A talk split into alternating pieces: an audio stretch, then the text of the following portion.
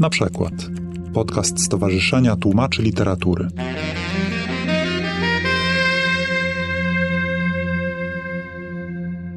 A ja poproszę na scenę pisarza, eseistę, pana Marka Bieńczyka, który oczywiście wygłosi pochwałę, czyli laudację.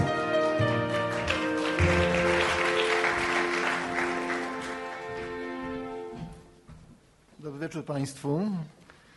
Ja powtórzę to, co zostało już dzisiaj powiedziane w swoim języku. Pewnie gorzej, bo nie wszystkie tłumaczenia są udane.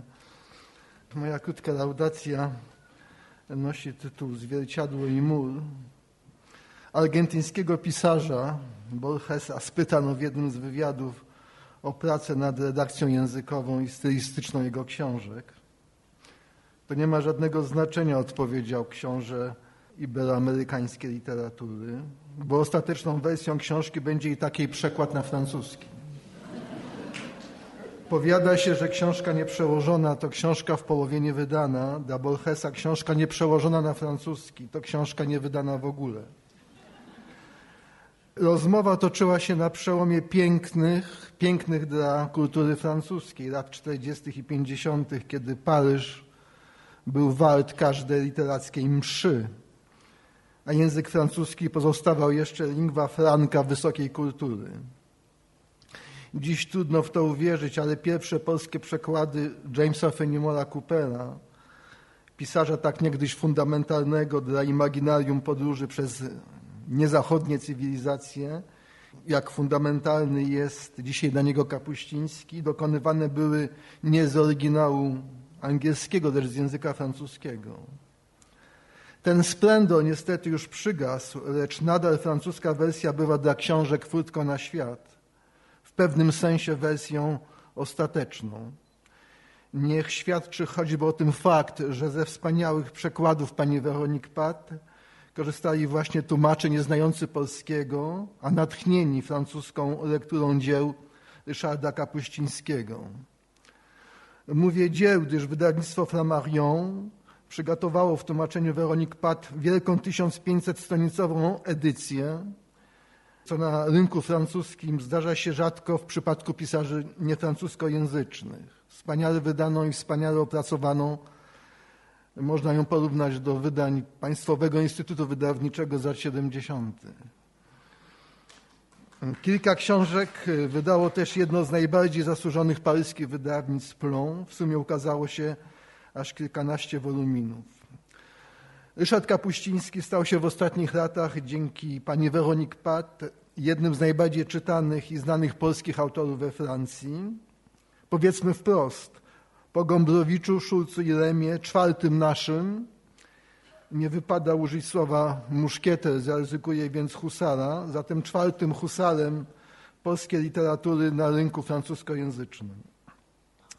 Pozostanę jeszcze na chwilę w Paryżu, by przypomnieć Weronice, a Państwu opowiedzieć satyryczny rysunek Sempego, znanego u nas niemal wyłącznie z przygód Mikołajka, lecz przede wszystkim fantastycznego rysownika humorystę. Oto podczas kolacji w paryskim apartamencie, sądząc po wyglądzie uczestnicy salonowi bywalcy należą do aspirującej klasy średniej, toczy się rozmowa o Ulyssesie Joyce'a. Rozmowa nie bardzo się klei. Wyraźnie nikt nie ma nic sensownego do powiedzenia o tej nader trudnej do interpretacji powieści. Wreszcie jeden z zaproszonych stwierdza, bo wiecie, ten przekład jest coś nie bardzo. I wszyscy oddychają z ulgą. Bardzo mnie ten rysunek, przyznam, śmieszy. O niejednym przekładzie zdarzało się nam wszystkim słyszeć podobny diktum, ale że bratem śmiechu jest patos, podzielę się od razu pewnym wyobrażeniem, które przy okazji tej gali przyszło mi do głowy. Jak Państwo wiedzą, pani Weronik Pat przekłada nie tylko z polskiego. Poza książkami Kapuścińskiego tłumaczyła między innymi Janusza Korczaka, Sławomira Mrożka, Eustachego Ryskiego, Jarosława Marka Rymkiewicza, lecz także z języka rosyjskiego. Dzisiaj otrzymuje nagrodę jako wybitny dzięki swym przekładom propagator literatury polskiej za granicą. Jednak chętnie sobie we wzniosłym zapale wyobrażam, że mogłaby także otrzymać tu w Warszawie laury za przekłady z języka rosyjskiego. I dziękuję Mariuszowi, że zechciał o tłumaczeniach z języka rosyjskiego Weronik pytać. Jeśli bowiem leży nam na sercu prawdziwa literatura, jeśli za Getem nie przestajemy myśleć i marzyć o Weltliteratur, literaturze światowej, zniknąć powinny granice i rozróżnienia. Niech Akademia Brazylijska przyznaje nagrody tłumaczom z języka koreańskiego na fiński. Niech Pen Klub Hiszpański ukoronuje któregoś dnia przekłady z flamandzkiego na bułgarski. Żartuję oczywiście, lecz to żart całkiem poważny i chętnie sobie wyobrażam, że od jego spełnienia zależy przyszłość świata. Rysunek Sempego i moja międzynarodowa utopia mówią o dwóch odmiennych spojrzeniach na pracę tłumacza. Za tym pierwszym stoi tradycyjne przekonanie, że tłumacz znajduje się niejako z konieczności na przegranej pozycji, że przekład tak czy inaczej zawsze jest zdradą, a tłumaczenie to wytwarzanie straty, rozmnażanie tego, co jest stracone w tłumaczeniu, lost in translation. I że idąc dalej tym smutnym tropem, tłumacz jest saperem poruszającym się po polu minowym i że jeśli dojdzie do wybuchu, jeśli nie zrozumiemy Joyce'a po polsku czy po francusku, to winę należy zrzucić na niego właśnie. Za opowiedzianym przed chwilą utopijnym marzeniem stoi natomiast przekonanie całkiem odwrotne. Tłumacz nie jest w nim agentem straty, przeciwnie jest pracownikiem zysku fundamentem życia literackiego, kimś, od kogo zależy zdolność porozumiewania się i ochota na wspólne zrozumienie. Być może tłumacz o niewyrażalności wie więcej niż poeta, o różnicy wie więcej niż filozof, o pozach wie więcej niż eseista, o temperaturze zdań więcej niż reporter. Więcej, konkretniej, cieleśniej. Tłumacz porusza się w samym środku, w wirze języka, jest, jak mówią sprawozdawcy sportowi, reżyserem gry, rozgrywającym pomocnikiem.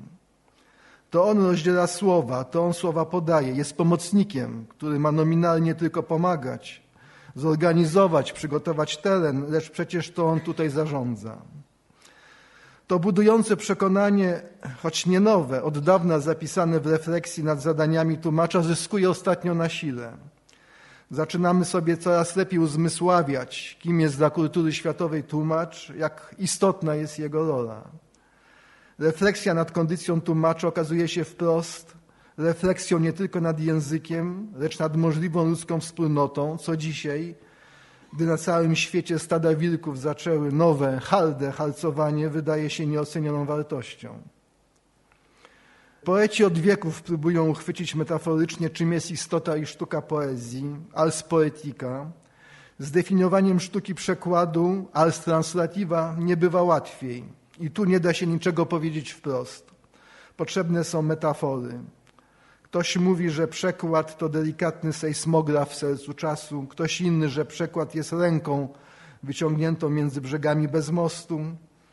Pani Weronik Pat, wspominając drogę, która zaprowadziła ją do zawodu czy do misji tłumacza, wypowiada takie słowa. Od rektu do tłumaczeń krok został zrobiony, po to, by zrozumieć, odrzucić pułapki uprzedzeń, nie mieszać pojęć, pamiętać, mieć oczy szeroko otwarte, być świadkiem, zachować wrażliwość na niesprawiedliwość świata. Wszędzie, w każdej chwili inni tłoczą się u naszych drzwi, nieustannie przewijają się przed naszymi oczami. Flamandowie, Polacy, Włosi, Kongijczycy, Ormianie, Mołdawianie, Czeczeni.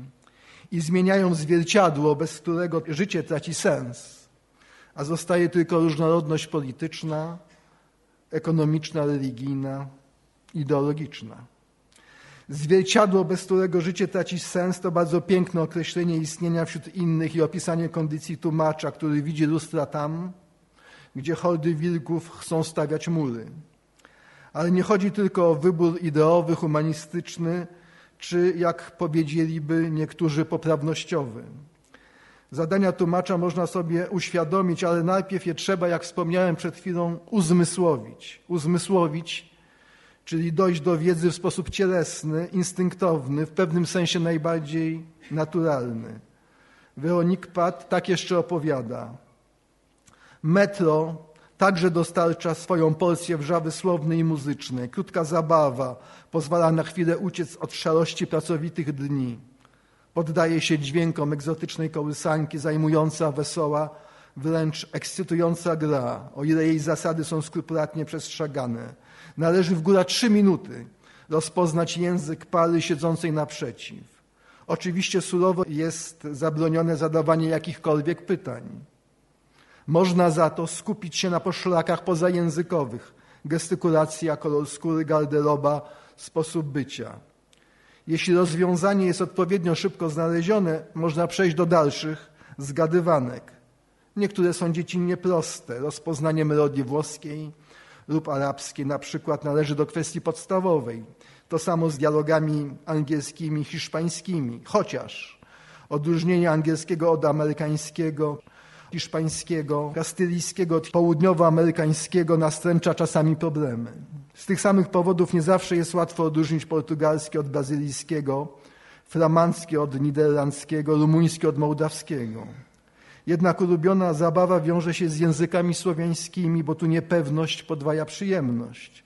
Melodyjna intonacja i zmysłowość rosyjskiego, sycząca słodycz polskiego, niecierpliwa żywiołowość serbskiego. I na koniec są pytania, które pozostają bez odpowiedzi. Drzwi na zawsze zamknięte, jak języki afrykańskie, skandynawskie, hinduskie. Tyle pani Weronik Pat. Jak Jan Jakub Rousseau twierdził, człowiek jest z urodzenia dobry, a zmysły są po dobrej stronie mocy. Przesadzał, jak to ono. Lecz ta opowieść o życzliwym wsłuchiwaniu się w dźwięki wokół, w szmer powietrza, czy mówiąc szumniej, ta opowieść o hermeneutyce odgłosów pozwala pomyśleć, że jeśli nie człowiek, to chociaż tłumacz jest kimś dobrym z natury. A że bratem patosu jest humor, słowa Weroniki przypominają mi scenkę, którą widziałem niedawno przy wyjściu ze stacji metra Politechnika.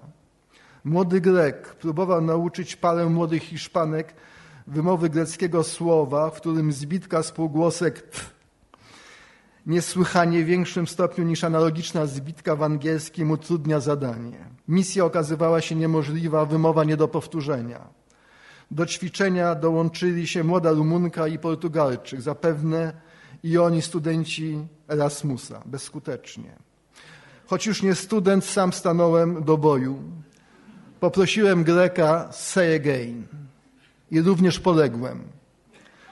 Ale przez chwilę wszyscy śmialiśmy się i patrzyliśmy sobie w oczy, jak w czyste zwierciadła. Dziękuję bardzo.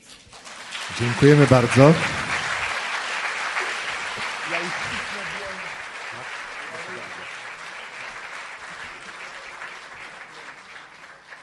Wysłuchali Państwo na przykład podcastu Stowarzyszenia Tłumaczy Literatury.